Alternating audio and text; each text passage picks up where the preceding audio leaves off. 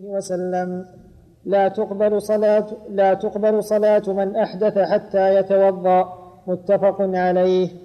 وعن ابن عمر رضي الله عنهما قال قال رسول الله صلى الله عليه وسلم لا تقبل صلاة بغ... لا تقبل صلاة بغير طهور ولا صدقة من غلول. رواه مسلم.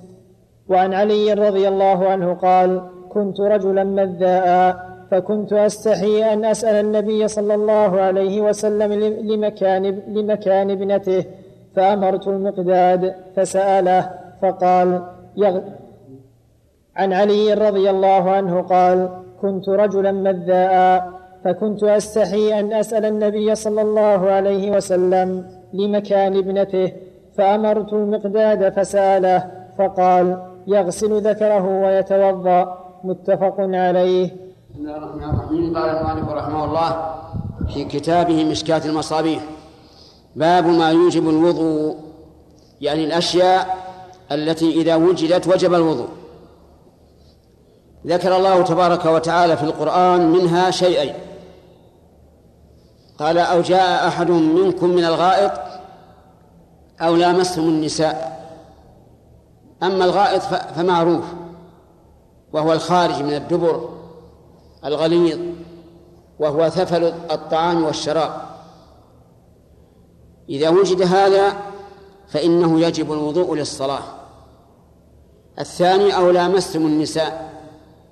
قال بعض أهل العلم المراد بالملامسة هنا اللمس باليد ولكن القول هذا ضعيف. والصواب أن المراد بقوله لامستم النساء يعني الجماع. لأن مس المرأة بشهوة لا ينقض الوضوء سواء تقبيل أو مباشرة أو غير ذلك إذا لم يحصل خارج من من الذكر. يعني قبل امرأتك ما شئت بشهوة بغير شهوة لا ينتقض وضوءك. حتى وإن انتصب الذكر فإنه لا ينتقض الوضوء. لأنه لا دليل على أن مس المرأة ينقض الوضوء لا بالشهوة ولا بغير الشهوة وعلى هذا فتكون الآية فيها دليل على موجبين. الأول موجب للوضوء وهو أو جاء أحد منكم من الغائط. والثاني موجب للغسل وهو أو لامستم النساء أي جامعتموهن. هكذا قال ابن عباس رضي الله عنهما في معنى لمستم النساء. ذكر المؤلف حديث أبي هريرة رضي الله عنه أن النبي صلى الله عليه وسلم قال لا يقبل الله صلاة أحدكم إذا أحدث حتى يتوضأ. لا يقبل الله صلاة أحدكم إذا أحدث حتى يتوضأ. ومعنى لا يقبل أن يردها ولا يثيب صاحبها ولا تبرأ بها ذمته حتى يتوضأ. والوضوء هو غسل الوجه وغسل اليدين ومسح الراس وغسل الرجلين. أما غسل الفرج فليس من الوضوء في شيء وإنما هو تطهير لمحل الخارج ويسمى استنجاء إن كان بالماء واستجمارا إن كان بالأحجار ونحوها ولا دخل له في الوضوء. ولذلك لو أن الإنسان عند طلوع الشمس بال وغسل ذكره ثم أذن الظهر وأراد أن يصلي الظهر فإنه لا يغسل ف... لا يغسل ذكره مرة أخرى بل يغسل وجهه يعني يتوضأ. فلا علاقة بين الاستنجاء وبين الوضوء حتى على القول الصحيح يصح الوضوء بدون استنجاء. يعني لو أن الإنسان بال ثم تيبس بخرق أو نحوها على وجه لا يجزي في الاستجمار ثم توضأ فإن وضوءه صحيح. لكن لا يصلي حتى يغسل الذكر غسلا كاملا مطهرا. وفي الحديث الثاني لا يقبل الله صدقة لا يقبل الله صلاة بغير طهور. صلاة نكرة تشمل الفريضة والنافلة. ولا صدقة من غلول. الغلول ما أخذ من الغنيمة. بغير إذن الإمام.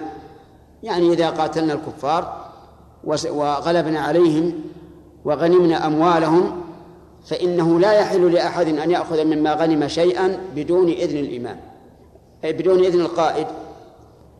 إذا غل ثم تصدق به فإنه لا يقبل منه. لأن الله طيب لا يقبل إلا طيبا. ولكن إذا قال قائل لو أخذ لو أخذ الإنسان مالا ثم تاب إلى الله ولم يعرف صاحبه فماذا يصنع؟ نقول تصدق به تخلصا منه لا تقربا به يعني لا تنوي أن الصدقة ثوابها لك بل بل انوي أنها صدقة لصاحبها أي لصاحب المال الذي أخذته منه وإبراء لذمتك لأن كل كسب محرم. إذا كان تصدق به الإنسان يتقرب به إلى الله فإنه لا يقبل منه حتى ينوي التخلص منه. أما حديث علي رضي الله عنه فيقول عن نفسه إنه رجل مذاء أي كثير الإمذاء. والمذي هو عبارة عن رطوبة تخرج من الإنسان عند الشهوة. لكنها لا تخرج في في قوة الشهوة بل إذا بردت الشهوة فإنه يخرج منه ماء يسمى مذيا ويسمى مذيا. هذا الماء يخرج عند كثير عند بعض الرجال بكثرة من حين ما يحس بالشهوة وينتصب ذكره يحصل منه هذا. علي رضي الله عنه كان رجلا مذاعا كثير المذي واستحيا أن يسأل النبي صلى الله عليه وعلى آله وسلم لأنه زوج ابنته. فأمر المقداد بن ابن الأسود رضي الله عنه أن يسأل النبي صلى الله عليه وعلى آله وسلم. فسأله فأمره أن يغسل ذكره وفي أحاديث أخرى وأنثييه يعني الخصيتين ويتوضأ. فدل هذا على أن المذي ناقض الوضوء لأمر النبي صلى الله عليه وسلم صاحبه أن يتوضأ. وظاهر الكلام وظاهر الحديث ولو كان ذلك كثيرا لأن عليا يقول كنت رجلا مذاء حتى لو فرض أنه يمضي في اليوم عشر مرات أو عشرين مرة فعليه أن يتوضأ. وليس هذا من باب سلس البول لأن سلس البول مستمر. عافانا الله وإياكم من البلاء. ولكن هذا المذي هل هو كالبول في الخبث والنجاسة بحيث يجب أن يغسل غسلا أو يكفي أن يصب عليه الماء فقط بدون غسل؟ الجواب بالثاني يعني أن نجاسة المذي خفيفة. إذا أصاب السروال مثلا فصب عليه ماء بدون عصر بدون فرق ويطهر بهذا كما جاءت به السنة عن النبي صلى الله عليه وعلى آله وسلم. واعلم أن الذي يخرج من الذكر أربعة أشياء البول والودي والمذي والمني. هذه أشياء معتادة. أما الذي يخرج بغير احتياج كمرض يكون في القنوات البولية وتبدأ تخرج ماء هذا مرض لا عبرة به. هذه أربعة أشياء وهي البول الودي المذي المني. البول والودي شيء واحد لكن الودي نقط بيضاء تكون بعد انتهاء البول وكأنها والله أعلم عصارة المثانة. المثانة مجتمع البول. هذا حكمهما واحد. كل منهما نجس ويوجب الوضوء ويوجب غسل رأس الذكر وما أصابه البول فقط. المذي بخلاف ذلك يكفي فيه النضح ويوجب غسل الذكر والأنثيين يعني الخصيتين ويوجب الوضوء. المني لا ليس نجسا فهو طاهر. ويوجب الغسل كاملا. هذه الأشياء التي تخرج من الذكر. وفي وفي حديث علي دليل على أن الإنسان لا ينبغي أن يستحي من ذكر ما يستحيا منه إذا كان ذلك لبيان الحكم الشرعي. لقوله كنت رجلا مذاء. الإنسان قد يستحي أن يقول هذا الكلام عن نفسه لكن إذا كان يترتب عليه الحق فلا بد من بيانه. ولهذا أتت امرأة إلى النبي عليه الصلاة والسلام أم سليم رضي الله عنها قالت يا رسول الله هل على المرأة من غسل إذا احتلمت؟ قال نعم إذا رأت الماء. قالت عائشة رضي الله عنها نعم النساء نساء الأنصار لم يمنعهن الحياء أن يتفقهن في الدين. ولا هذا شيء يستحيا منه لكن إذا كان للحق فلا بد منه. قال الله تبارك وتعالى إن الله لا يستحي من الحق. وأما العبارة المشهورة عند الناس لا حياء في الدين. فهذه تحتمل معنى صحيح ومعنى فاسد. إذا كان يقول لا حياء في الدين يعني أن السؤال عن الدين لا ينبغي أن يستحي منه فهذا حق. وأما إن أراد أن الدين ما في حياء ما في حياء فغلط لأن الحياء من الإيمان. إذا فهمنا الآن الذي ينقض الوضوء الخارج من السبيلين من القبل أو الدبر ومنه البول والودي والمذي. أما المني فيوجب الغسل. واختلف العلماء رحمهم الله في الخارج الدائم اللي مع الإنسان مستمر هل ينقض الوضوء أو لا؟ فمنهم من قال إنه ينقض الوضوء ومنهم من قال إنه لا ينقض الوضوء. لأنه لو نقضه توضأ وش الفائدة؟ سيبقى الخارج. ومنه ما تشتكي منه النساء كثيرا وهو رطوبة الفرج رطوبة فرج المرأة مع مع بعض النساء تستمر ويخرج منها السائل فهل ينتقض وضوءها؟ ويقول ونقول يلزم أن أن تتوضأ لكل صلاة يعني لوقت كل صلاة أو لا ينتقض؟ في هذا قولان لأهل العلم. منهم من قال إنه لا ينتقض لأن هذا شيء يشق الاحتراز منه ولأن حتى لو انتقض وقلنا توضئي ما في فائدة الحدث باقي. ومن وأنه إذا توضأت المرأة وخرج منها هذا الخارج المعتاد المستمر لا ينتقض وضوءها إلا أن ينتقض الوضوء بناقض آخر كالبول والغائط والريح وما أشبه ذلك. ومن العلماء من قال إنه ينقض الوضوء وأنها تتوضأ لوقت كل صلاة.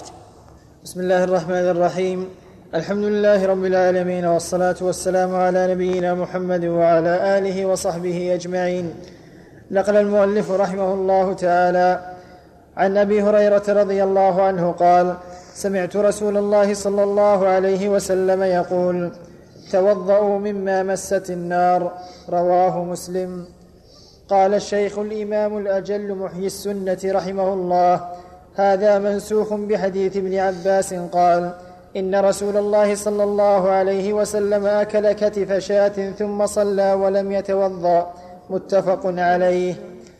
وعن جابر بن سمرة رضي الله عنهما أن رجلا سأل رسول الله صلى الله عليه وسلم أنتوضأ من لحوم الغنم؟ قال إن شئت فتوضأ وإن شئت فلا تتوضأ. قال أنتوضأ من لحوم الإبل؟ قال نعم. فتوضأ من لحوم الإبل. قال أصلي في مرابض الغنم. قال نعم. قال أصلي في مبارك الإبل. قال لا. رواه مسلم. بسم الله الرحمن الرحيم. هذه أحاديث في بيان شيء من أحكام الوضوء. ذكرها الحافظ صاحب مشكاة المصابيح. الأول حديث أبي هريرة رضي الله عنه أن النبي صلى الله عليه وسلم قال توضؤوا مما مست النار. يعني كل شيء مسته النار فأمر النبي صلى الله عليه وسلم أن نتوضأ منه من لحم أو خبز أو غير ذلك. وهذا في أول الأمر. ثم نسخ هذا. وصار ليس بواجب. لحديث جابر قال كان آخر الأمرين من رسول الله صلى الله عليه وعلى آله وسلم ترك الوضوء مما مست النار. فدل هذا على أن الأمر الأول نسخ. والله سبحانه وتعالى ينسخ الأحكام لحكم منها أن يبتلي الناس. هل يتبعون أهواءهم؟ أو يتبعون ما جاءت به الشريعة. والمؤمن يتبع ما جاءت به الشريعة. إذا أمرت بشيء قال قال سمعنا وأطعنا. فالنسخ له حكمة عظيمة. منها هذا أن الإنسان العابد لله حقا يتمشى مع أحكام الله. فما أثبته الله أثبته وما نسخه الله نسخه. إذن إذا أكل الإنسان خبزا أو لحما مطبوخا أو طعاما فإنه لا يجب الوضوء منه لأن هذا الأمر نسخ ولكن بقي أمر آخر وهو أكل لحم الإبل. هل ينقض الوضوء أم لا؟ اسمع الحديث حديث جابر أن النبي صلى الله عليه وسلم سأله رجل قال نتوضأ من لحوم الغنم. قال إن شئت فتوضأ وإن شئت فلا تتوضأ. فجعل الخيار بيد الآكل إن شاء توضأ وإن شاء لم يتوضأ سواء كان نيا أو مطبوخا. ولا فرق في الغنم بين المعز والضأن. قال أتوضأ من لحوم الإبل؟ قال نعم توضأ من لحوم الإبل. فحتم عليه أن يتوضأ من لحوم الإبل ولم يخيره. فيجب الوضوء إذا أكل الإنسان لحم إبل سواء كان نيا أو مطبوخا قليلا أو كثيرا لحم جمل أو لحم ناقة هبر أو غير هبر.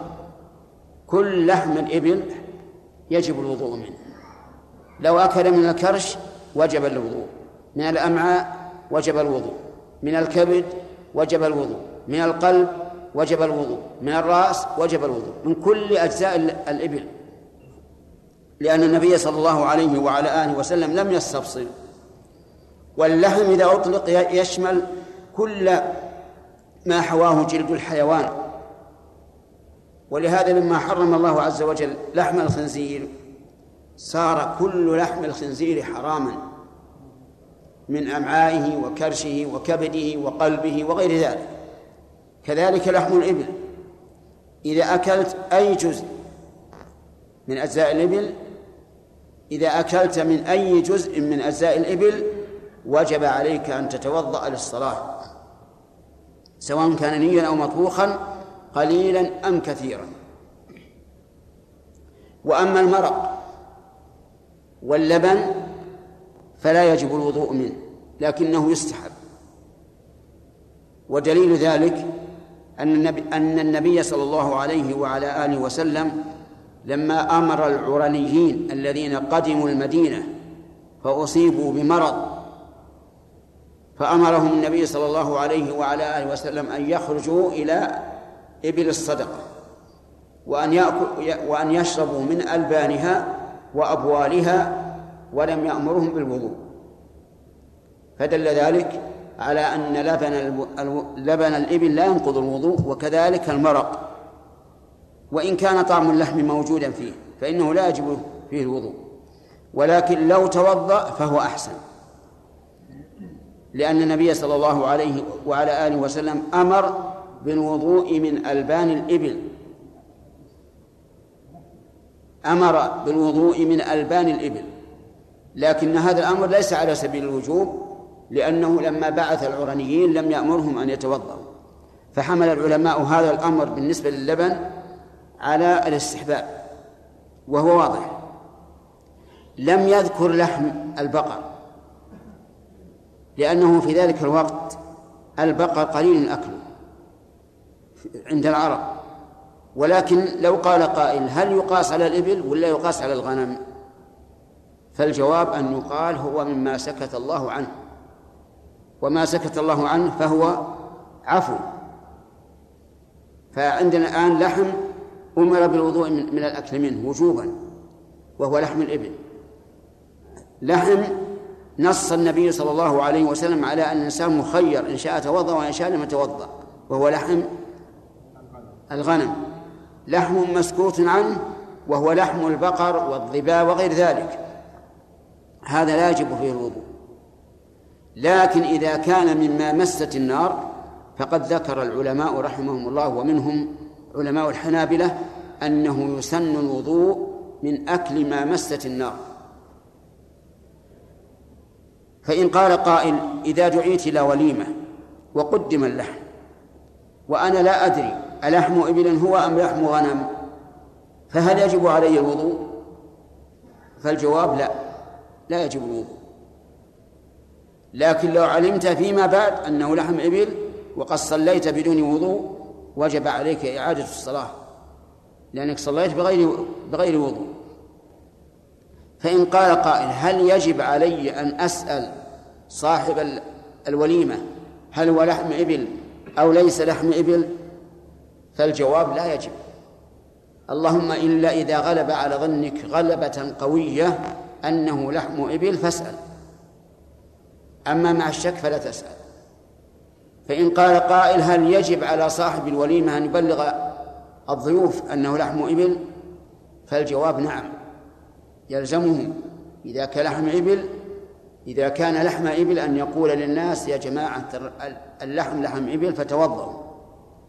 كما لو رأيت إنسانا يريد أن يتوضأ بماء نجس فإنه يجب عليك أن تبلغه وأن تقول هذا ماء نجس أو أن يصلي في مكان نجس يجب عليك أن تبلغه فتقول هذا مكان نجس. إذا سبق لنا من نواقض الوضوء البول والغائط والريح والرابع ما نحن فيه اليوم وهو لحم الإبل نيا كان أو مطبوخا قليلا أو كثيرا من أي نوع من أنواع لحم الإبل؟ والله الموفق. الشحم من جنس اللحم. الدهن إن كان مائعا كاللبن لم يجب. ولكن كما قلنا لكم الأفضل أن يتوضأ الإنسان حتى من اللبن. قال المصنف رحمه الله تعالى في سياق الأحاديث في باب ما يوجب الوضوء وعن أبي هريرة رضي الله عنه قال قال رسول الله صلى الله عليه وسلم إذا وجد أحدكم في بطنه شيئا فأشكل عليه. وعن جابر بن سمرة رضي الله عنهما أن رجلا سأل رسول الله صلى الله عليه وسلم أنا توضأ من لحوم الغنم؟ قال إن شئت فتوضأ وإن شئت فلا تتوضأ. قال أنا توضأ من لحوم الإبل. قال نعم فتوضأ من لحوم الإبل. قال أصلي في مرابض الغنم. قال نعم. قال أصلي في مبارك الإبل. قال لا رواه مسلم. وعن أبي هريرة رضي الله عنه قال قال رسول الله صلى الله عليه وسلم إذا وجد أحدكم في بطنه شيئا فأشكل عليه. أخرج منه شيء أم لا فلا يخرجن من المسجد حتى يسمع صوتا أو يجد ريحا. رواه مسلم. وعن عبد الله بن عباس رضي الله عنهما قال إن رسول الله صلى الله عليه وسلم شرب لبنا فمضمض وقال إن له دسما متفق عليه. وعن بريدة رضي الله عنه أن النبي صلى الله عليه وسلم صلى الصلوات يوم الفتح بوضوء واحد ومسح على خفيه فقال له عمر لقد صنعت اليوم شيئا لك لم تكن تصنعه. فقال عمدا صنعته يا عمر رواه مسلم. من هذه الأحاديث فيما يتعلق بالوضوء ساقها الحافظ في مشكاة المصابيح. أول حديث جابر بن سمرة أن النبي صلى الله عليه وسلم سئل عن الوضوء من لحم الغنم فقال إن شئت. وسئل عن الوضوء من لحم الإبل فقال توضأ. وسبق الكلام على هذا. وسئل عن الصلاة في مرابض الغنم فقال لا بأس. وعن مبارك الإبل فقال لا. وهذا مما يفرق فيه بين الغنم والإبل. الغنم يجوز أن تصلي في مرابضها ولو كان فيها روث أو بول. لأن لأن كل شيء يؤكل لحمه فروثه طاهر وبوله طاهر. والغنم يؤكل لحمها. فتجوز الصلاة في مرابض الغنم ولو كثر فيها البعض ولو كثر فيها البول ولو تغيرت الرائحة. لأن ذلك كله طاهر. وأما مبارك الإبل فإنه لا تجوز الصلاة فيها. والمراد بمباركها أعطانها معاطنها وهي المكان الذي تأوي إليه تأوي إليه وتبيت فيه كالأحواش والحظائر ونحوها. وكذلك على القول الراجح المكان الذي تعطن فيه بعد شرب الماء لأن من عادة الإبل إذا شربت الماء أن تتنحى وتقف وتبول وتروث هذا أيضا من معاطن الإبل لا تجوز الصلاة فيه لا فريضتها ولا نفلها. فإن قيل ما الفرق؟ أليست أبوال الإبل طاهرة وبعرها طاهر؟ فالجواب نعم. بولها طاهر وبعرها طاهر. والفرق أن النبي صلى الله عليه وعلى آله وسلم فرق بينهم. وإذا فرق الله ورسوله بين شيئين لا تسأل لأنه, لأنه لم يفرق بينهما إلا لسبب. علمته أم, أم لم تعلم.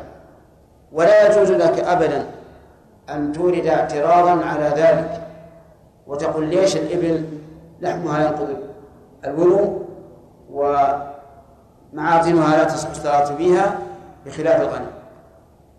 بل قل سمعنا وأطعنا ولا تسأل.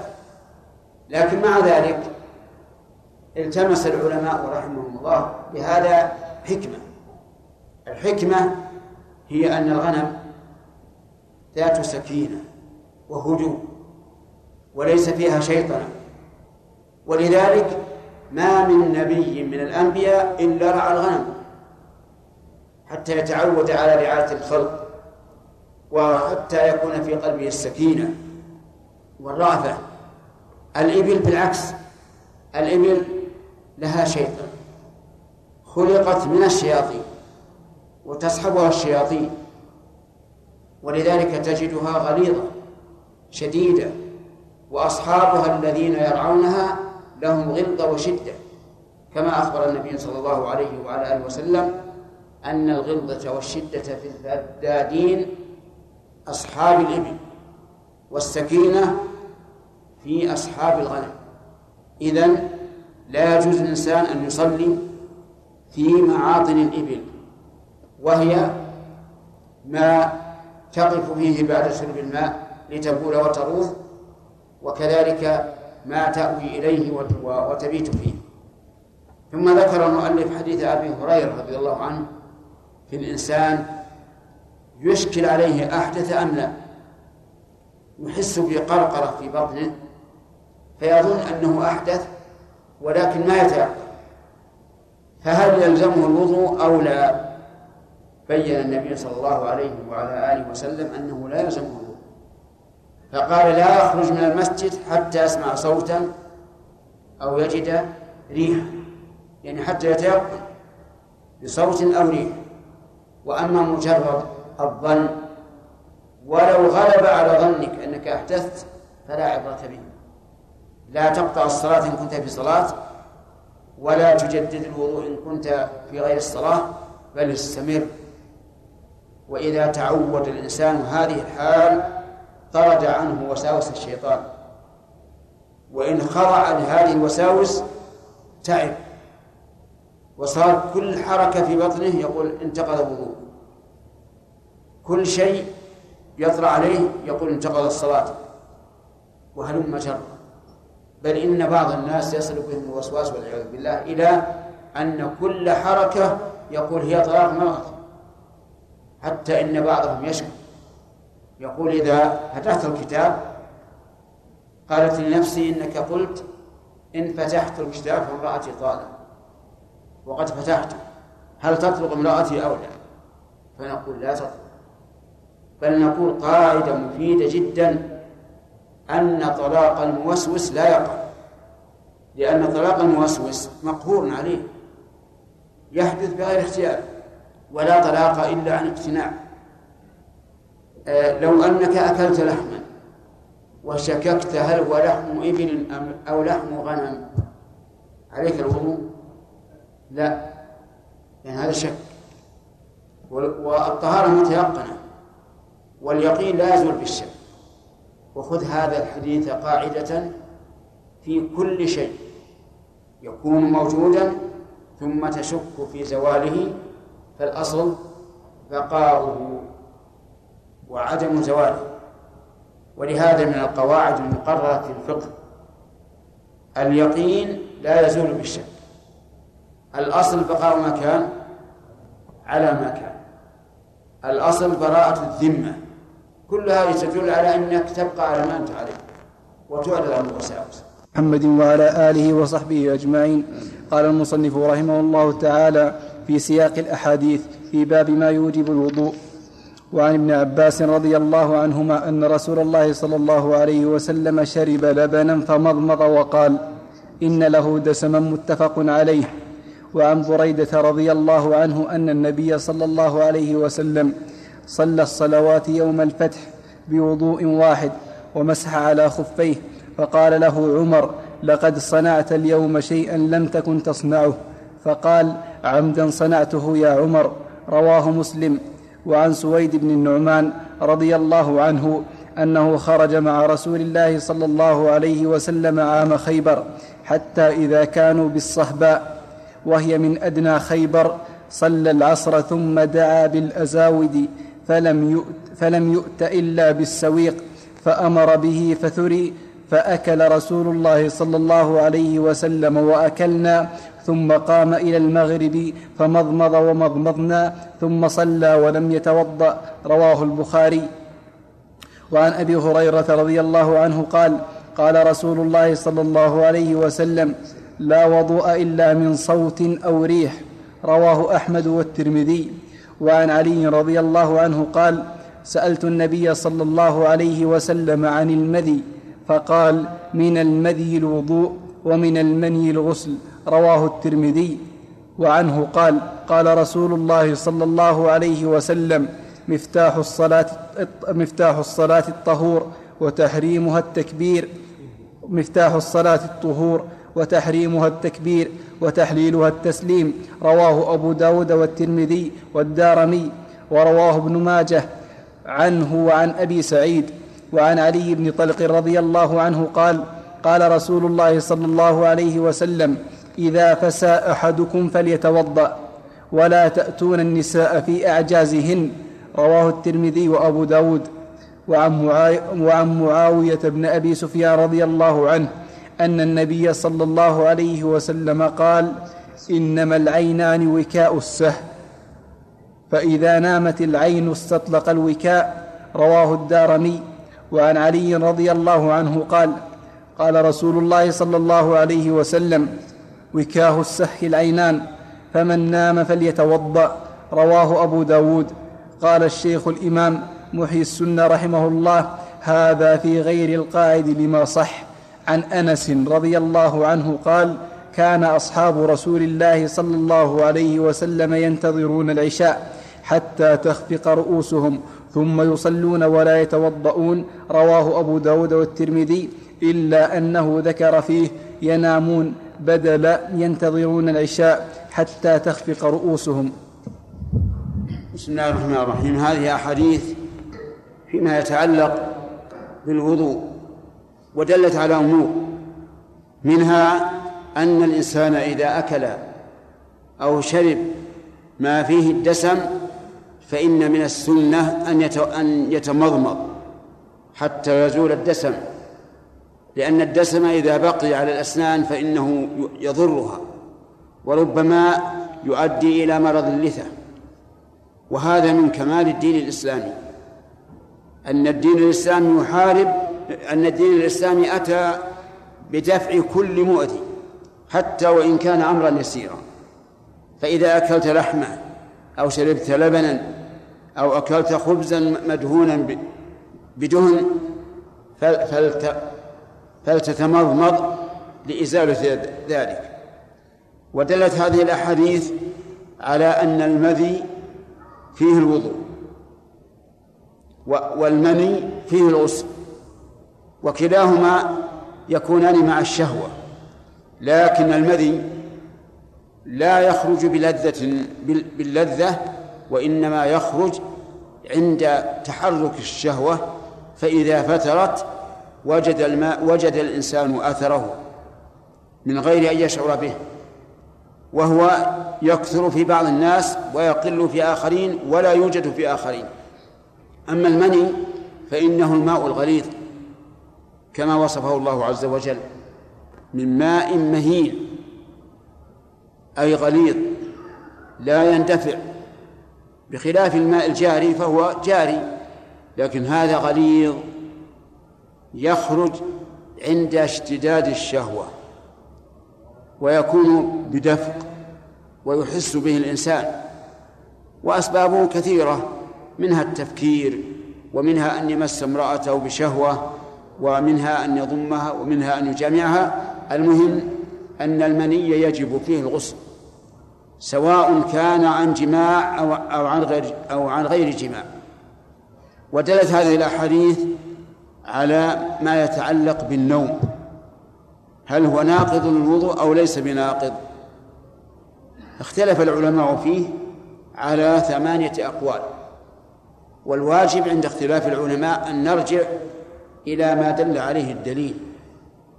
والدليل دل على أن النوم ينقسم إلى قسمين. الأول نوم خفيف بحيث لو أحدث الإنسان لأحس بنفسه فهذا لا ينقض الوضوء. سواء كان الإنسان قاعدا أو مضطجعا أو قائما أو ساجدا. المهم أنه لو لو أحدث لأحس بنفسه. فهذا لو بقي ينعس من صلاة المغرب إلى صلاة العشاء ولكنه يحس بنفسه لو أحدث فإن وضوءه لا ينتقل.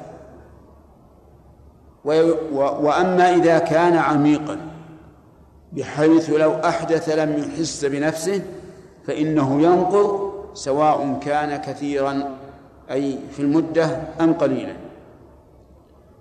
وهذا القول اختيار الشيخ الإسلام ابن تيمية رحمه الله هو الحق إن شاء الله تعالى.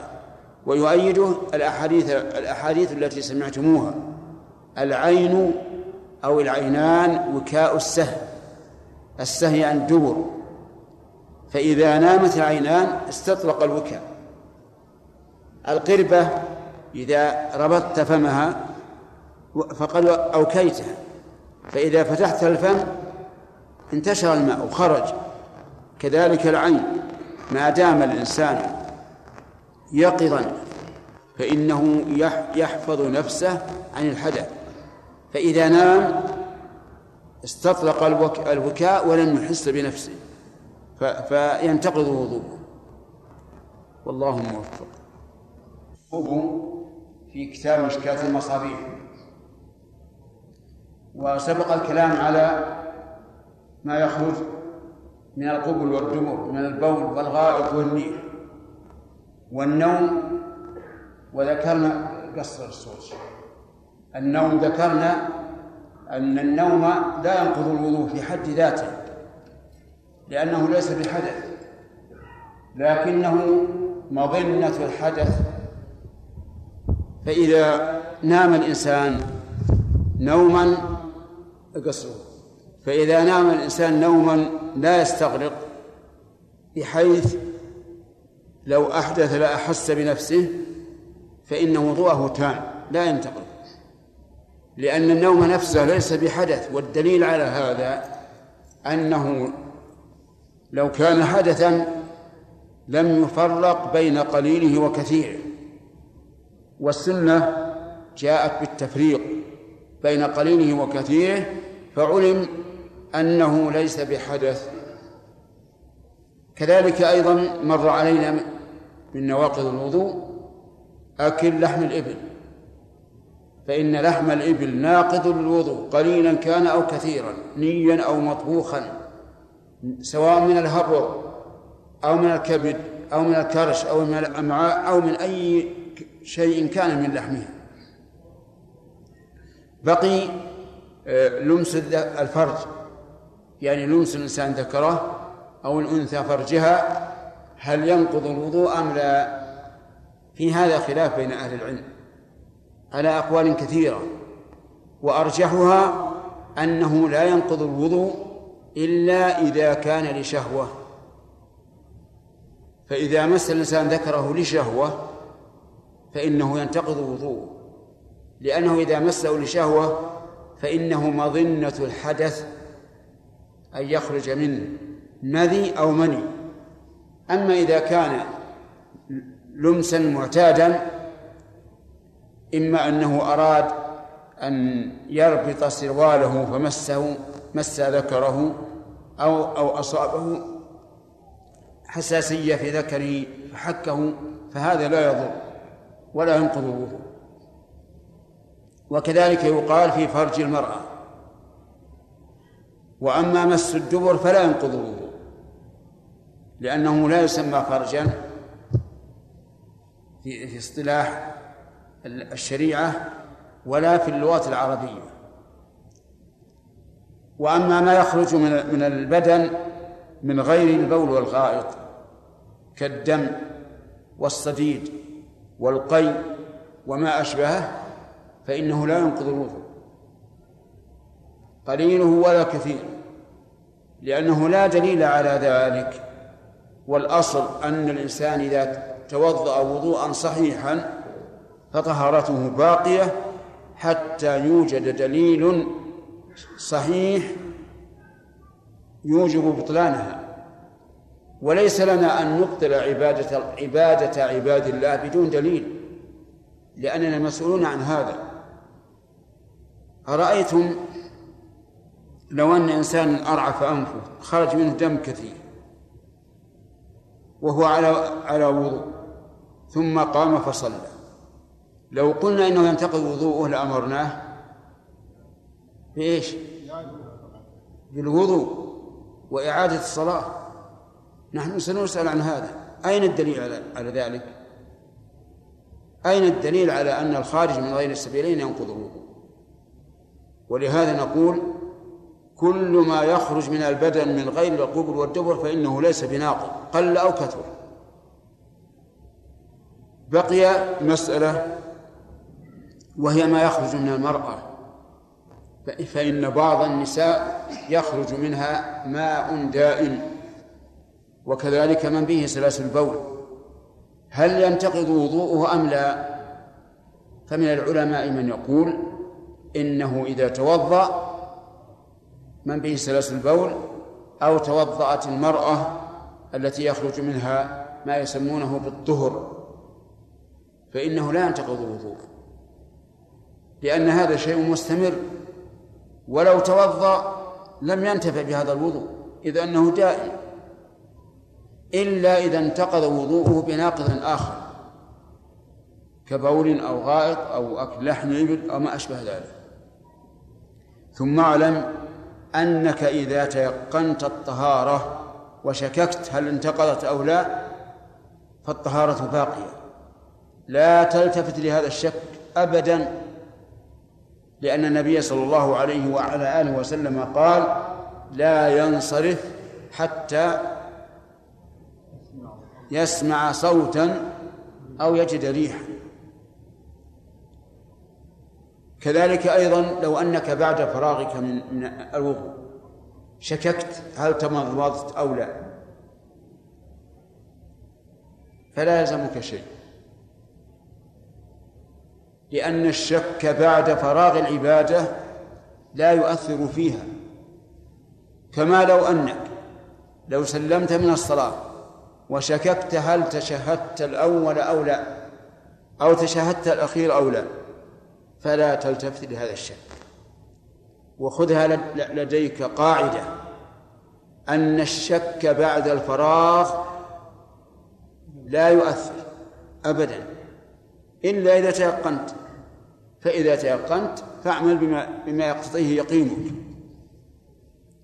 كذلك لو أن الإنسان كان محدثا وشك هل توضأ أم لا فليتوضأ. كإنسان مثلا صلى المغرب ثم نقض وضوءه بأكل لحم إبل أو غيره ولما أذن لصلاة العشاء وقام ليصلي شك هل توضأ بعد أن أحدث أو لا فنقول يجب عليه أن يتوضأ لأن الأصل أنه لم يتوضأ. فليس هناك طهارة يبني عليها. فنقول يجب عليك أن تتوضأ لأن لأنك لأن الحدث متيقن والوضوء مشكوك فيه. حتى لو غلب على ظنه أنه توضأ فالواجب أن يتوضأ. لأن الشك لأن الشك لا يزيل اليقين.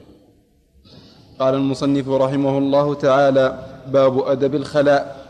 عن أبي أيوب الأنصاري رضي الله عنه قال عن أبي أيوب الأنصاري رضي الله عنه قال قال رسول الله صلى الله عليه وسلم إذا أتيتم الغائط فلا تستقبلوا القبلة ولا تستدبروها ولكن شرقوا أو غربوا.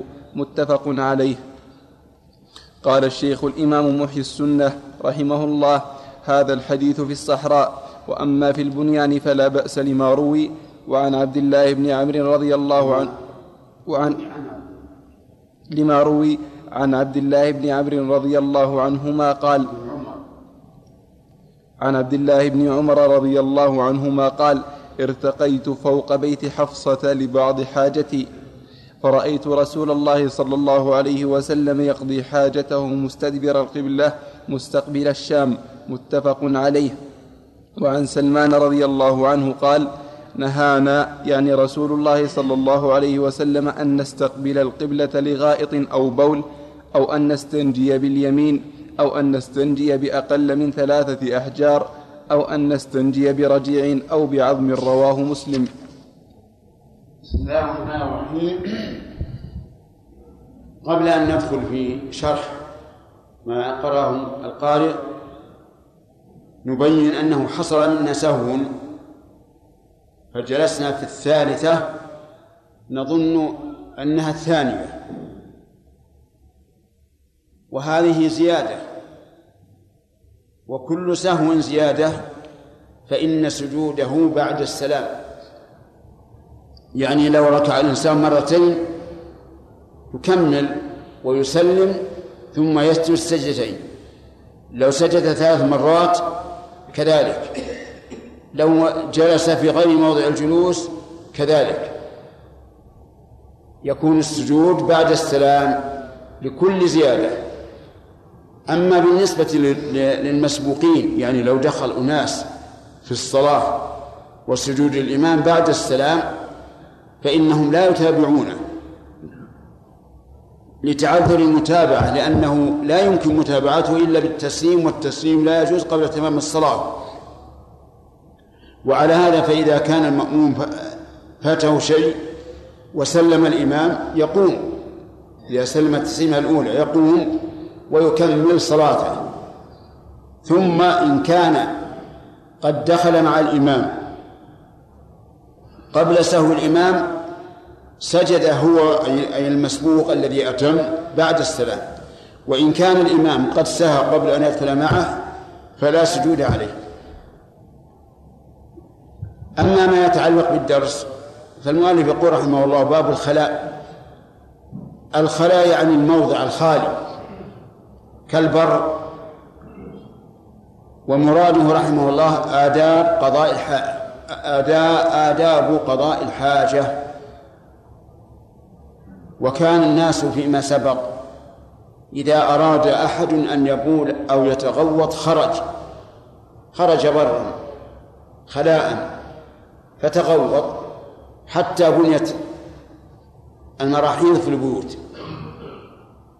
واعلم أن الله سبحانه وتعالى له منة على عبده فيما ييسر له من الطعام والشراب وفيما يسهل خروجه منه. أما تسهيله قبل فمن الذي أوجد لك هذا الطعام؟ إنه الله عز وجل قال الله تعالى أفرأيتم ما تحرثون أأنتم تزرعونه أم نحن الزارعون؟ الجواب. جواب.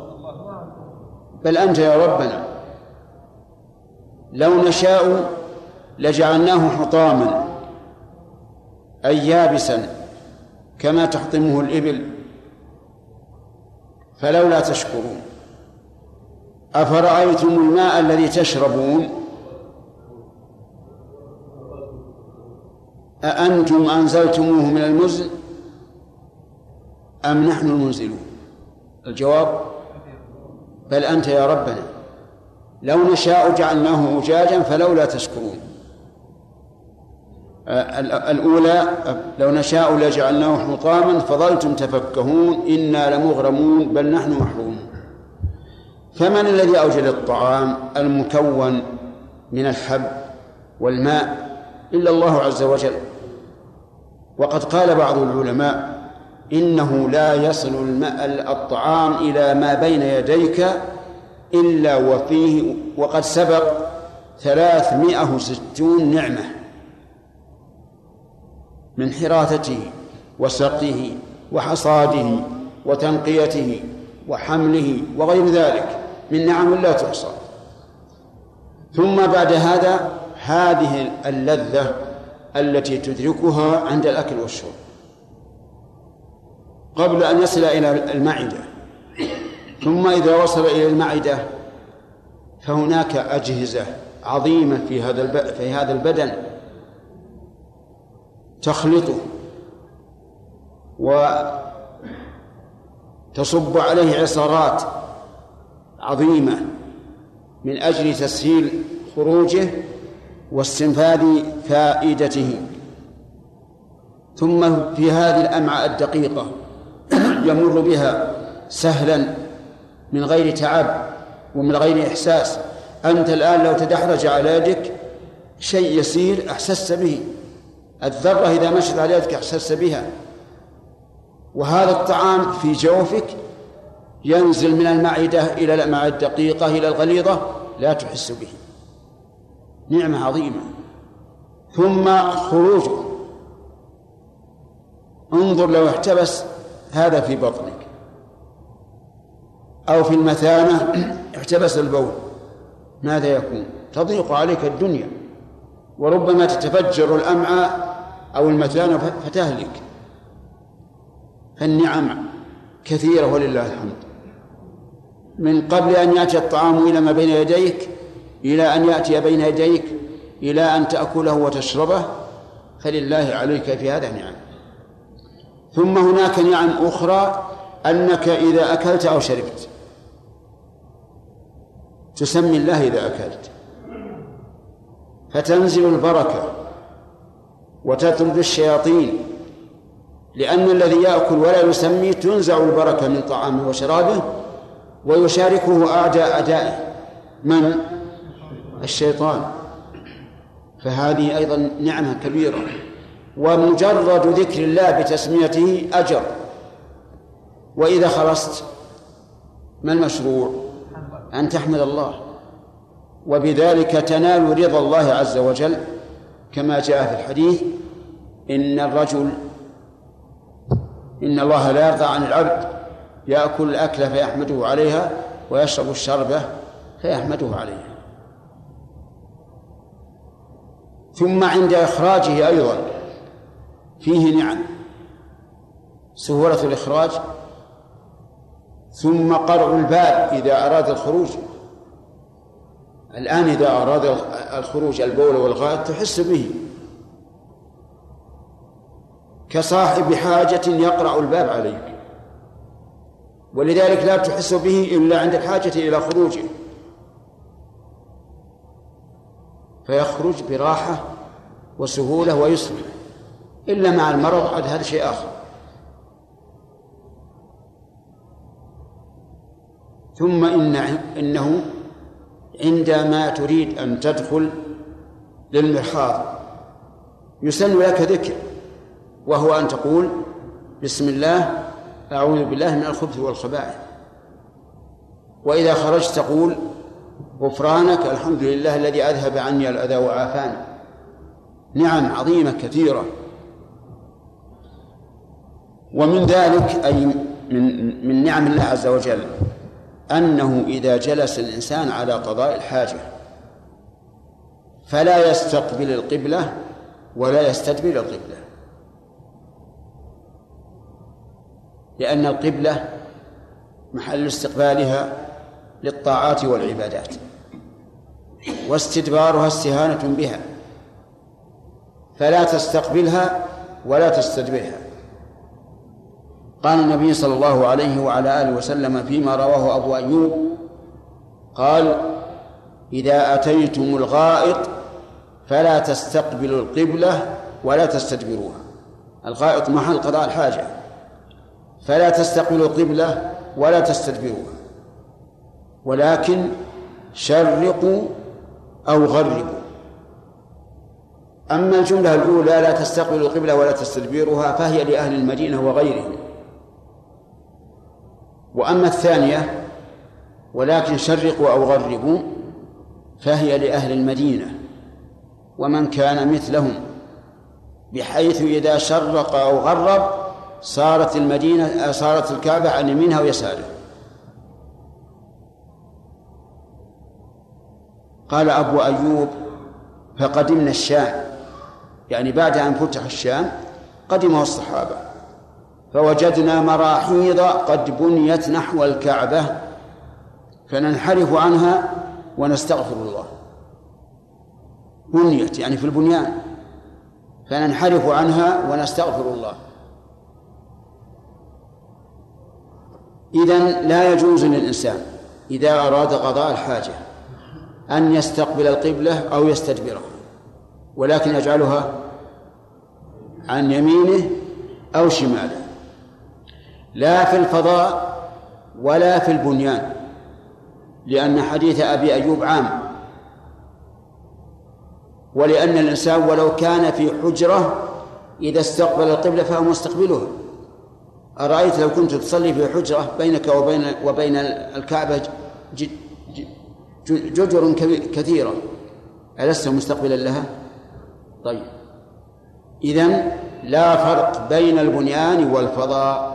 ولهذا قال أبو أيوب قدمنا الشام فوجدنا مراحيض قد بنيت نحو الكعبة. يعني قدام تكون الكعبة قدام قدامنا. فننحرف عنها ونستغفر الله. فتبين الآن أن استقبال القبلة في الفضاء والبنيان لا يجوز كما دل عليه حديث أبي أيوب. بقينا باستدبارها. هل يجوز أن تستدبرها في البنيان أو لا يجوز؟ يرى بعض أهل العلم أنه لا يجوز حتى في البنيان. لا تستدبرها.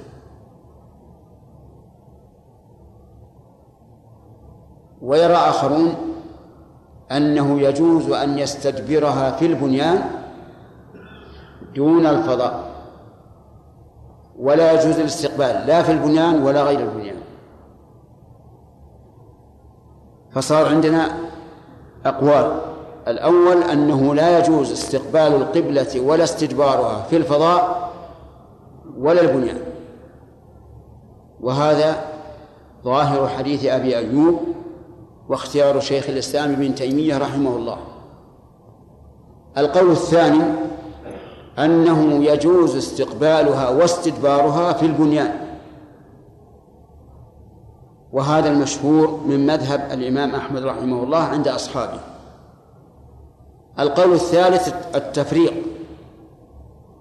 في البنيان بين الاستقبال والاستدبار وأما في الفضاء فلا يجوز لا استقبال ولا استدبار في البنيان يقولون إنه يجوز الاستدبار دون الاستقبال ويستدلون بحديث ابن عمر أنه رضي الله عنه رقي ذات يوم على بيت حفصة فرأى النبي صلى الله عليه وعلى آله وسلم يقضي حاجته مستقبل الشام مستدبر الكعبة.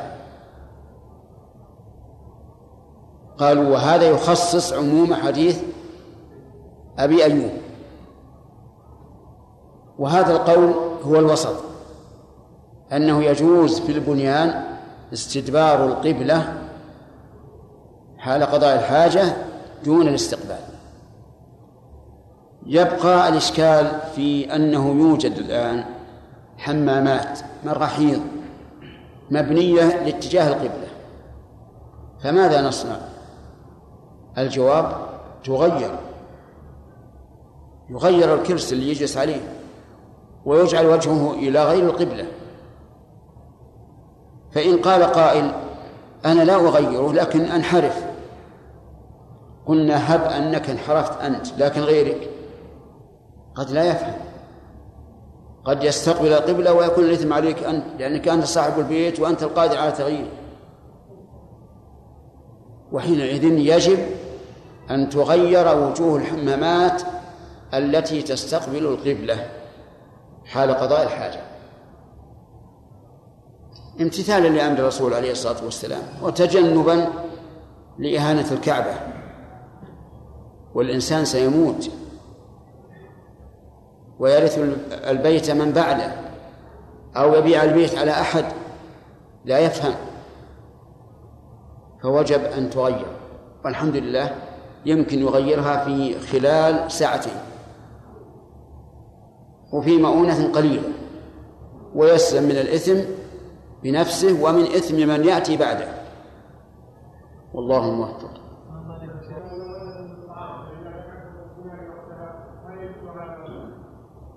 الأكل باليمين والشرب باليمين واجب والأكل بالشمال والشرب بالشمال حرام وتشبه بالشيطان.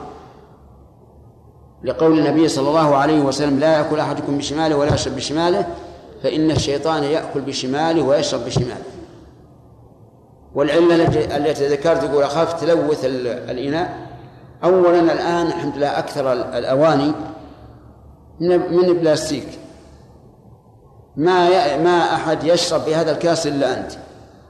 خلوه يتلوث. والثاني إذا قدرنا أنه من الزجاجة والحديد إذا تلوث وماذا يكون. يغسل.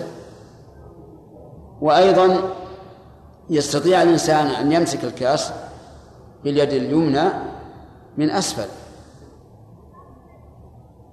ويجعل يده الإبهام والسبابة كالحلقة من الأسفل ويشرب. لأن لأن المسألة ما هي مكروهة. لو كانت مكروهة الأمر سهل. حرام. يأثم الإنسان إذا شرب بشماله بكل حال. ويكون متشبها بالشياطين أي متشبه بأعداء الله دون أولياء الله. ولا أحد يرضى بهذا. لكن الجهل مشكل. وكذلك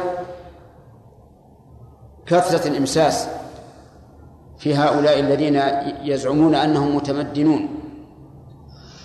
يأكلون بالشمال ويشربون بالشمال. وهذا غلط. المهم يجب علينا كلنا أن نبين للناس أن هذا حرام وأنه معصية وأن لا نقرهم على هذا. لكن يكون بالأ... مو بالهوش يعني لو رأيت واحد يشرب بالشمال تهوش لا ربما تأخذه العزة بالإثم ويرد عليك ولا يبالي. إنما تستطيع أن تقول إذا رأيت من يشرب بالشمال إنه قد ثبت عن النبي صلى الله عليه وسلم أنه قال لا يأكل أحدكم بشماله ولا يشرب بشماله فإن الشيطان يأكل بشماله ويشرب بشماله.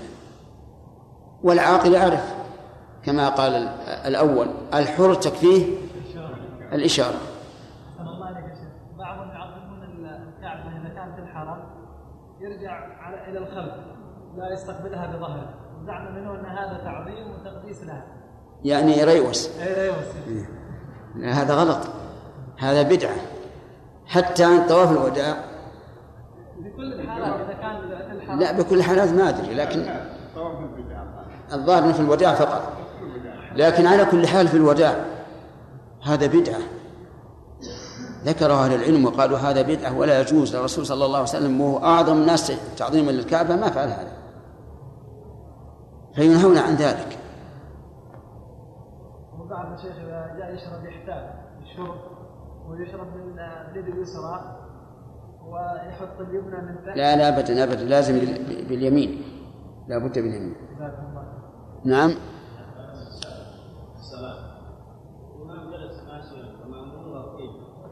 إيه. إيه يتبعون الإمام بالسجود إذا كانوا أدركوا السهو سهو الإمام يتبعونه في السجود وإن لم يسهوا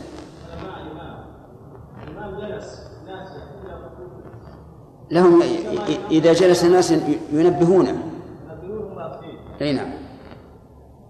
إذا كانوا وقفوا ما دروا أنه جالس قال المصنف رحمه الله تعالى في سياق الأحاديث في باب أدب الخلاء وعن سلمان رضي الله عنه قال نهانا يعني رسول يعني رسول الله صلى الله عليه وسلم أن نستقبل القبلة لغائط أو بول أو أن نستنجي باليمين أو أن نستنجي بأقل من ثلاثة أحجار أو أن نستنجي برجيع أو بعظم رواه مسلم.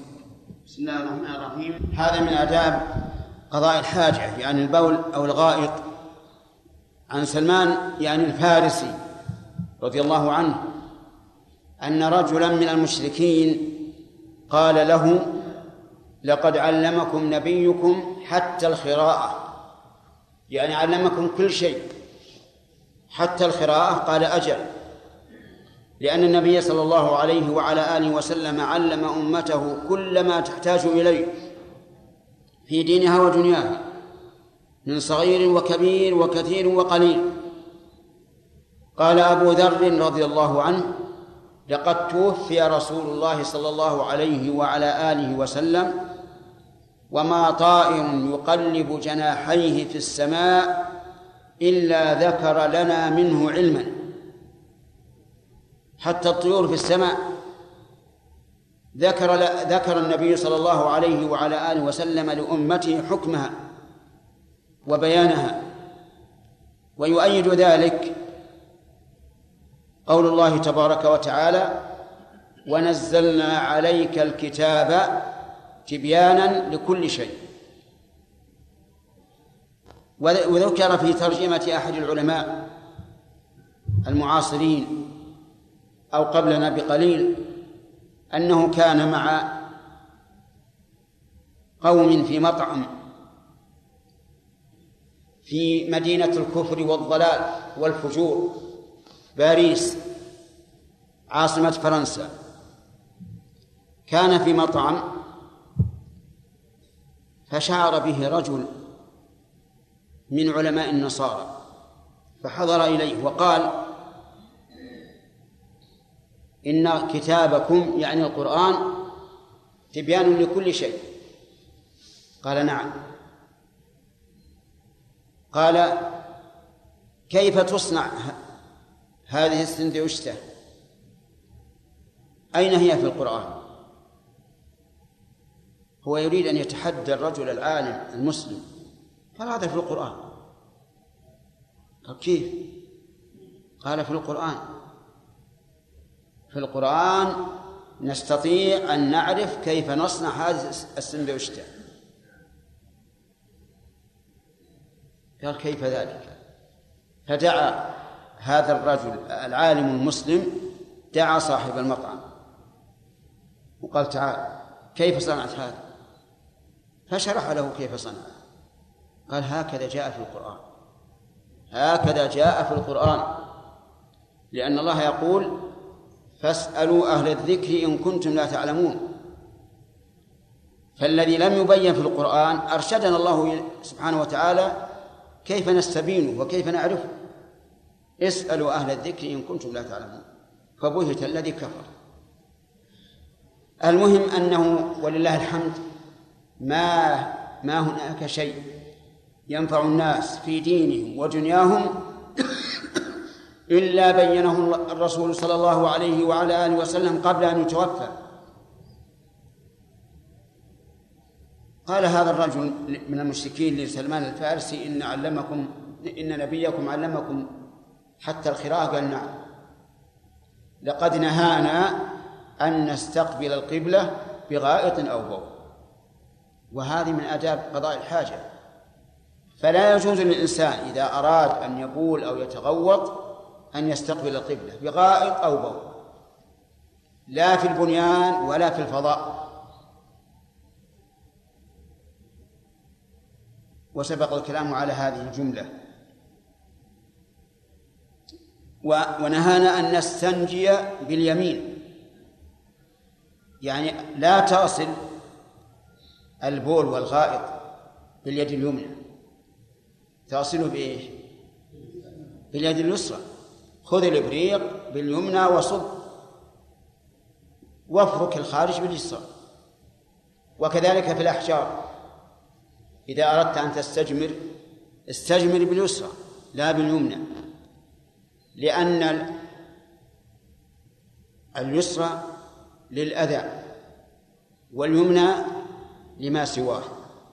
إذا أردت أن تزيل الأذى أزله بإيش؟ باليسرى.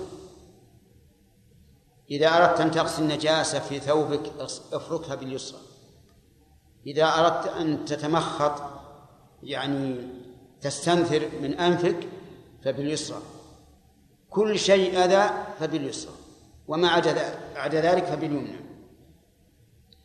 أو أن نستنجي بأقل من ثلاثة أحجار. يعني أن أن الإنسان إذا أراد أن يستجمر بالأحجار لا ينقص عن ثلاثة ولا يزيد أو يزيد يزيد. إذا لم إذا لم يتطهر بثلاثة زاد. إذا تطهر بأربعة يزيد واحد لتكون خمسة لأن النبي صلى الله عليه وعلى آله وسلم قال من استجمر فليوتر. إذا أنقى بأقل من ثلاثة أحجار مثل أن يكون الإنسان تغوط لكنه يابس. يكفيه حجر واحد. فلا بد أن يكمل ثلاثة. لأن النبي صلى الله عليه وسلم نهى أن نستنجي بأقل من ثلاثة أحجار. وينوب عن الحجر ما يقوم مقامه. كالخرقة والخشبة وما أشبه ذلك. المهم الإنقاء وأن نستنجي برجيع أو عظم. نهانا أن نستنجي برجيع أو عظم. الرجيع الروث البعر الدمن للغنم وما أشبهه.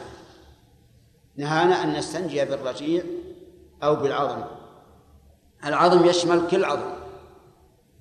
فلا يجوز للإنسان أن يستنجي بالرجيع أو بالعظم الرجيع لأنه إن كان نجسا كروث الحمار لم يزدك إلا نجاسة. ولا يمكن أن تطهر النجاسة بنجس. وإن كان طاهرا فإنه علف لبهائم الجن.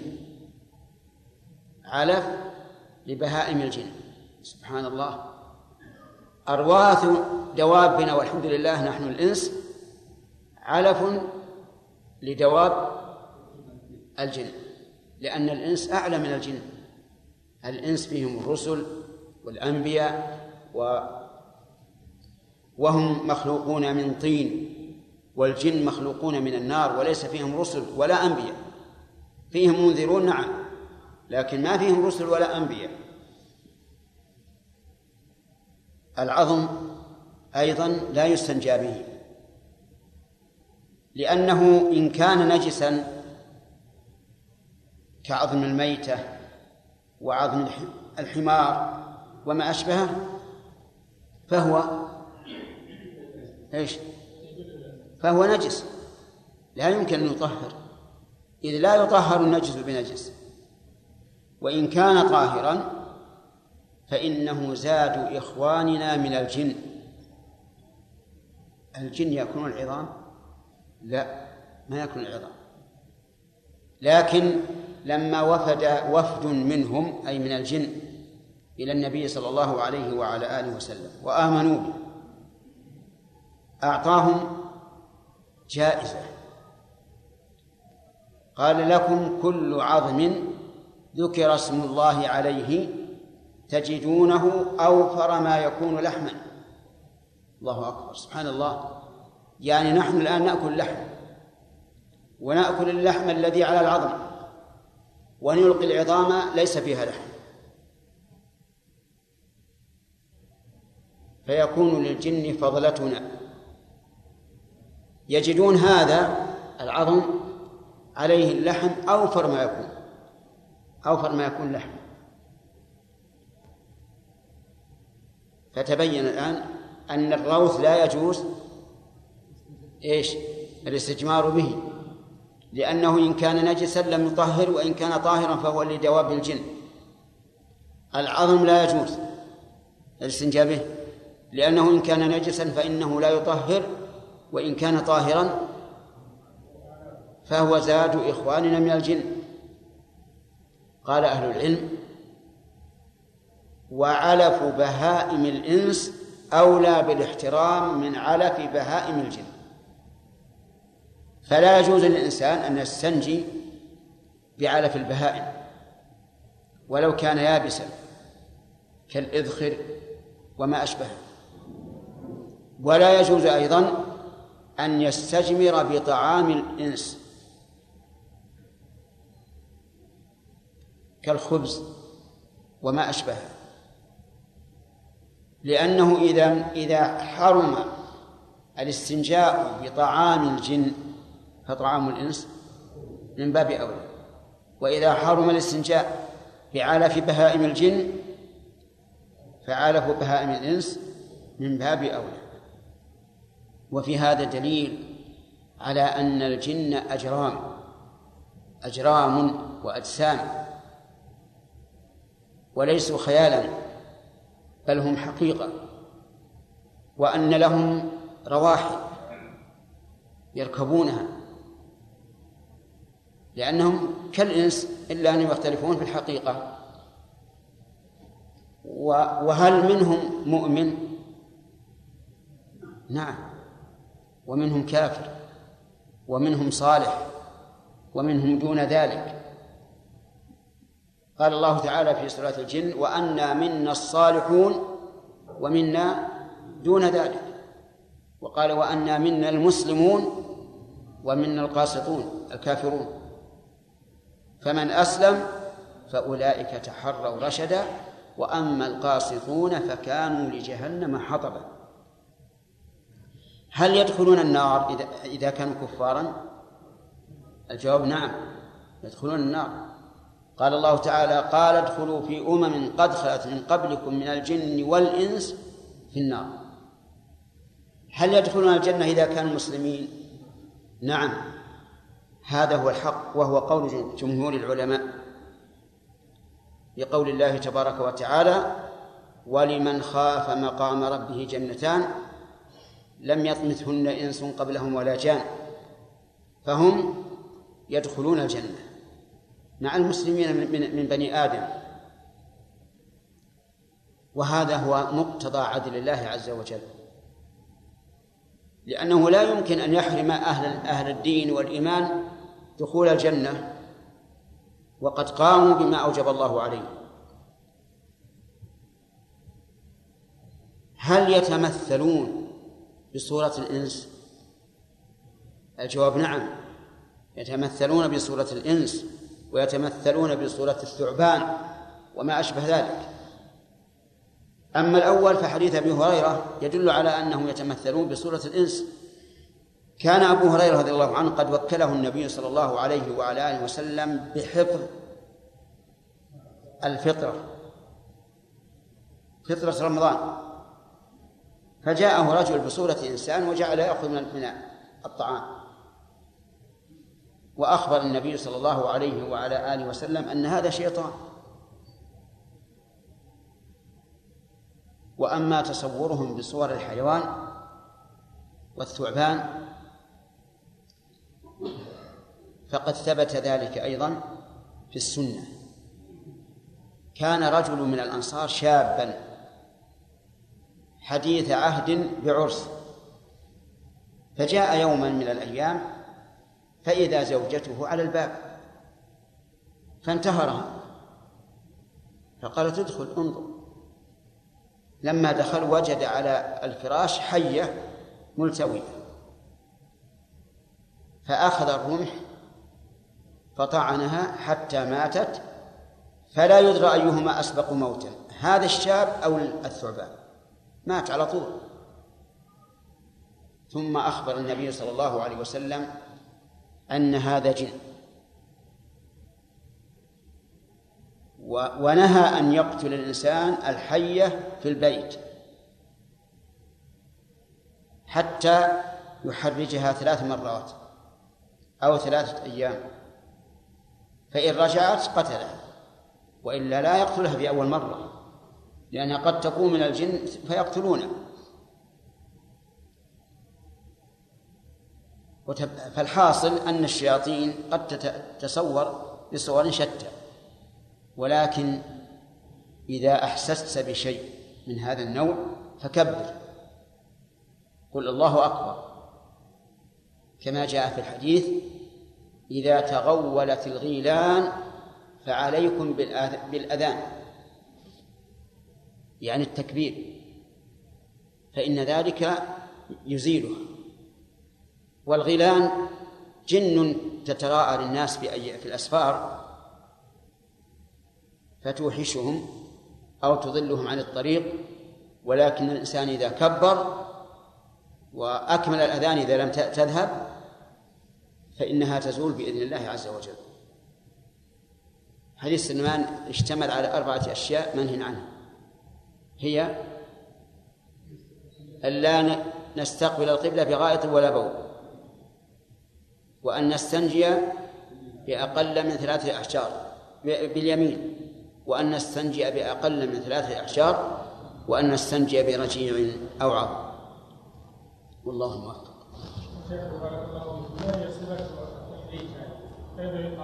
تقول لها أنت بحرج مني أخرج عن البيت لأن إن كانت إن كانت جنية تفهم وتخرج وإن كانت ثعبان عاديا فهي لا تفهم.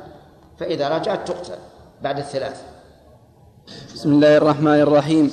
الحمد لله رب العالمين والصلاة والسلام على نبينا محمد وعلى آله وصحبه أجمعين. قال المصنف رحمه الله تعالى في سياق الأحاديث في باب أدب الخلاء.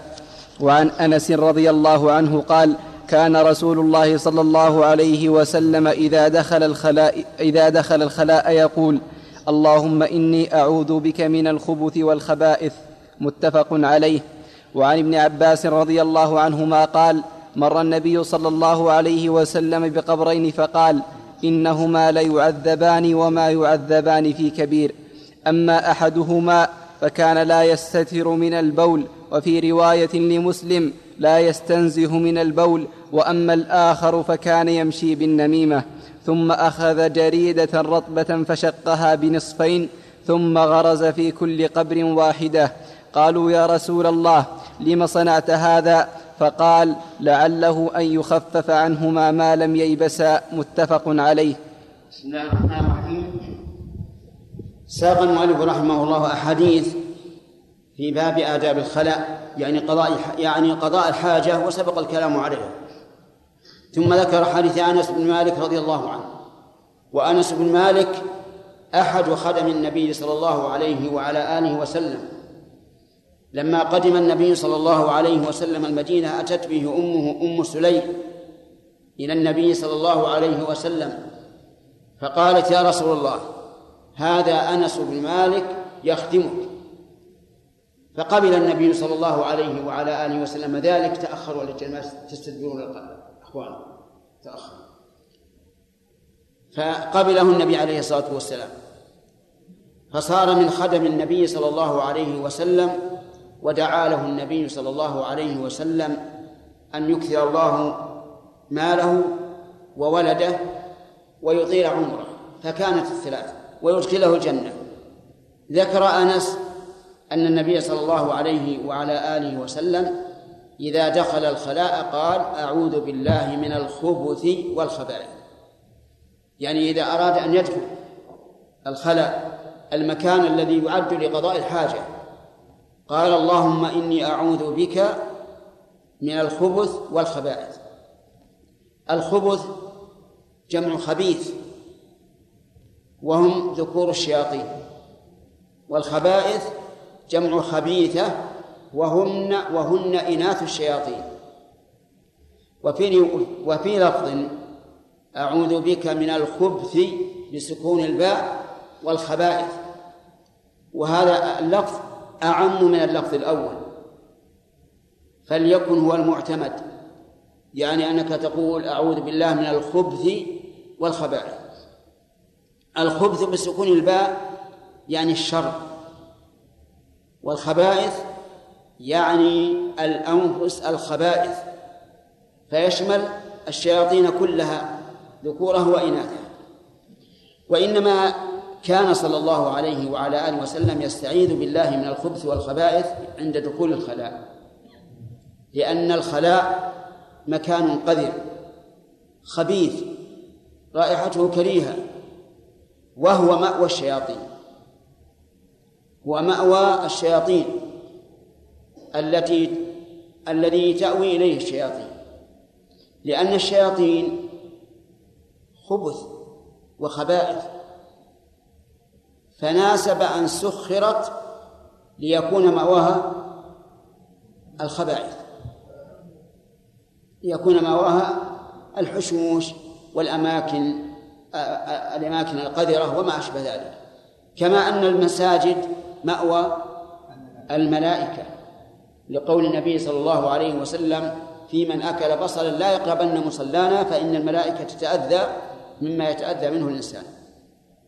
وقد قال الله تعالى في القرآن الكريم الخبيثات للخبيثين والخبيثون للخبيثات. فالله عز وجل حكيم يجعل الطيب للطيب والخبيث للخبيث. إذا أردت دخول الخلاء يعني المرحاض الذي تبول فيه أو تتغوط فقل أعوذ بالله من الخبث والخبائث وإن زدت أن تقول بسم الله أعوذ بالله من الخبث والخبائث فحسن. وإذا خرجت فإنك تقول غفرانك أي أسألك أن تغفر لي. ووجه سؤال المغفرة عند الخروج من الخلاء. وجهه أنك لما تخليت مما يؤذيك من بول وغائط ناسب أن تسأل الله عز وجل أن تتخلى من الذنوب وذلك بمغفرة الله. فإذا قلت غفرانك فمعناه أسألك غفرانك. فإذا سألت لماذا أقول غفرانك عند الخروج قلنا لأنك تتذكر أنك تخليت من الخبائث من البول والغائط المؤذي فكذلك تسأل الله عز وجل أن أن تتخلى من الذنوب. وإن زدت الحمد لله الذي أذهب عني الأذى وعافاني فحسن. عند الدخول تقدم أي القدمين؟ اليسرى. وعند الخروج تقدم اليمنى. لأنك عند الدخول تنتقل من مكان طيب إلى مكان خبيث. فتقدم اليسرى. عند الخروج تخرج من مكان خبيث إلى مكان طيب فتقدم اليمنى. انظر إلى رحمة الله عز وجل. كيف يجعل ذكره مقرونا بهذه الأمور. من أجل أن تكثر حسناتنا. في كل المناسبات. الآن الأكل عند ابتدائه له ذكر عند انتهائه له ذكر عند التخلي منه له ذكر. ثم ذكر حديث ابن عباس رضي الله عنه. عنهما أن النبي صلى الله عليه وعلى آله وسلم مر وهو في المدينة بقبرين فكشف له صلى الله عليه وعلى آله وسلم أنهما يعذبان فقال إنهما لا يعذبان أكد هذه الجملة بمؤكدين وهما إن واللام يعني أكد أنهما يعذبان. لأن المقام يقتضي التأكيد لأن عذابهما أمر غيبي. فصار الإخبار عنه يؤكد ليعذبان وما يعذبان في كبير. يعني أن أن الشيء الذي يعذبان من, من, من أجله ليس بشاق عليهما يسهل تفاديه واجتنابه ولكن الشيطان يجري من ابن آدم مجرى الدم. أما أحدهما فكان لا يستنزه من البول. ما يبالي؟ يصيب البول ثوبه فلا يطهره ويصيب فخذه فلا يطهره ويصيب مصلاه فلا يطهره. لا يهتم. فعذب من أجل ذلك. إذا كان عذب من أجل أنه لا يستنزه من البول والاستنزاه من البول من شروط صحة الصلاة. فكيف يكون من لا يصلي أصلا؟ أيستحق العذاب أو لا؟ يستحق العذاب من باب أولى.